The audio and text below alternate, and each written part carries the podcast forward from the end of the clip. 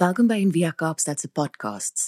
Vir meer inligting of om 'n bydrae te maak, gaan gerus na enviakaapstad.org.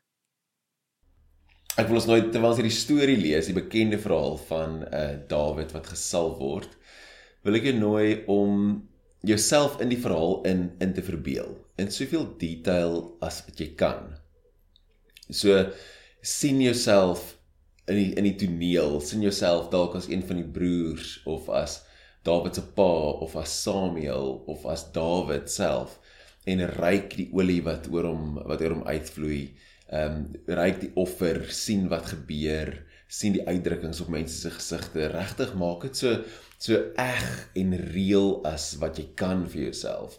En uh, dan sal ons be, ons begelei deur die meditasie.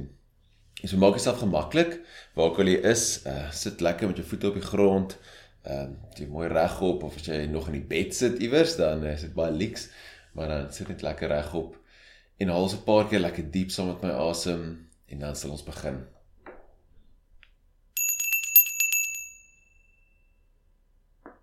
Asem in deur jou neus en uit deur jou mond. Asem in by jou neus en uit by jou mond.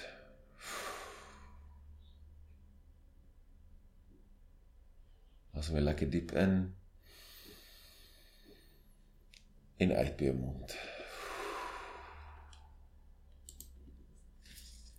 Ag ons lees, ek lees ons uit die Bybel vir almal.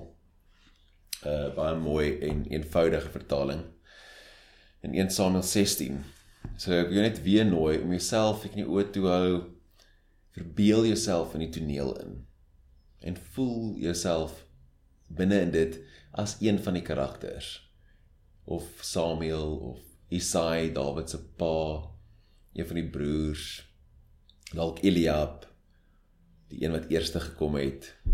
Ehm um, dalk as jy net 'n buitestander wat daar in die dorp is en sien alles gebeur probeer jouself regtig in die toneel in plaas ek lees vir ons Die Here het vir Samuel gesê: Jy moenie aanhou huil en treur oor Saul nie.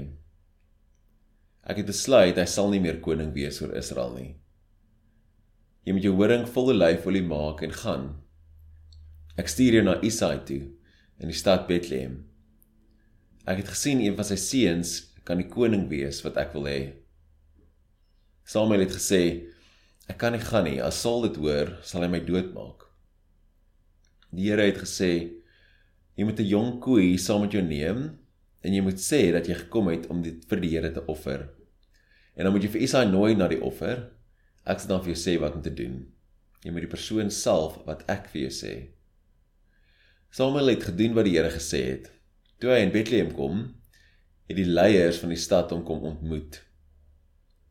Hulle was bang en hulle het gevra: "Kom jy iets doen wat goed is vir ons?" Hy het gesê: "Ja, ek het gekom om vir die Here te offer. Julle moet julle reinig en julle moet saam met my kom offer." Samuel het ook vir Isaai en sy seuns gereinig en hy het hulle uitgenooi na die offer. Toe hulle kom en Samuel sien vir Eliab, het hy gedink: "Ja, dit is die gesalfde wat hier voor die Here staan." Maar die Here het vir Samuel gesê: "Jy moenie na Eliab se gesig kyk en kyk hoe lank hy is nie. Eliab is nie die man wat ek gekies het nie." Want die Here kyk nie na dieselfde dinge as mense nie. Mense kyk hoe iemand lyk, maar die Here kyk wat in iemand se hart is.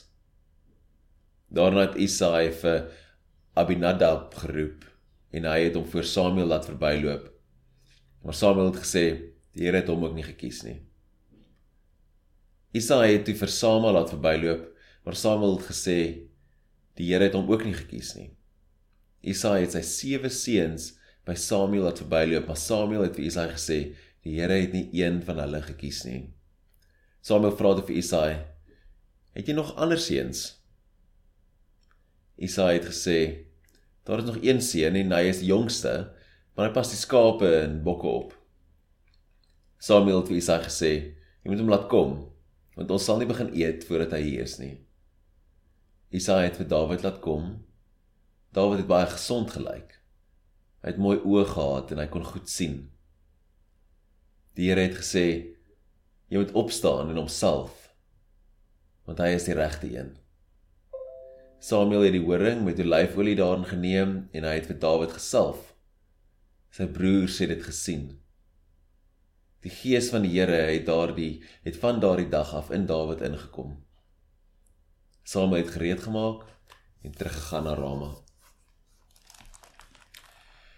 Jy sit vir 'n oomblik sit vir 'n oomblik net so en herroep net die toneel in jou gedagtes. Die salwing van Dawid. Watter een van die karakters sien jy jouself as? Dalk Samuel wat treur oor Saul en wat nou 'n nuwe koning moet salf wat hierdie groot verantwoordelikheid het, maar ook bang is.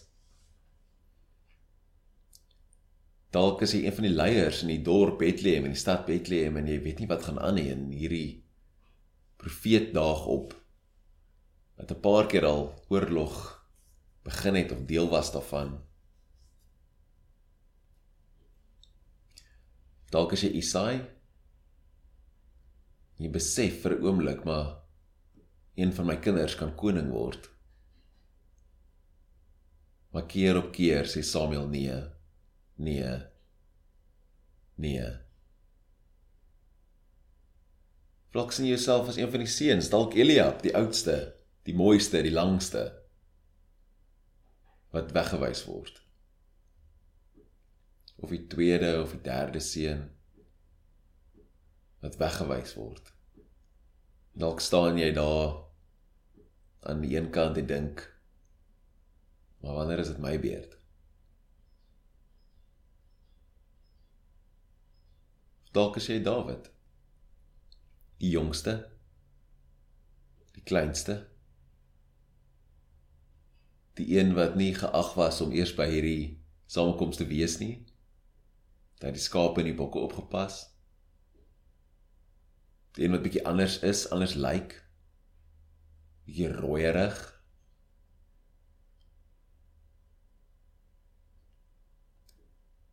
Dalk is jy die een wat voel hoe die olie oor jou kop loop. Jou klere deurdrink. Hoe Samuel jou hier in die geheim in die kleine salf as Wat maak jy met dit? Daar's al reeds 'n ander koning. En jy is die jongste. Die kleinste. Wat doen jy met hierdie in jou hart? Of enige van hierdie vrae sit vir 'n oomblik en dink as daai karakter wat is God besig om hiernatoe uit te nooi dalk as Samuel was Isai Eliab David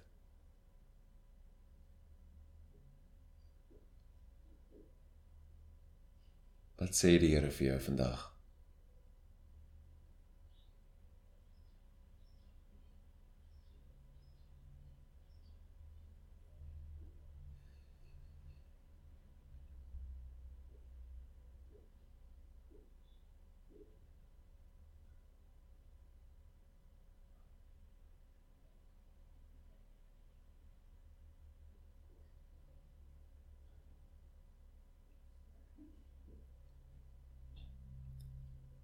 Ek hoop hierdie hierdie vraag resoneer in jou hart.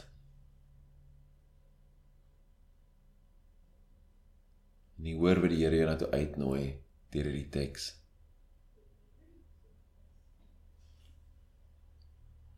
Amen.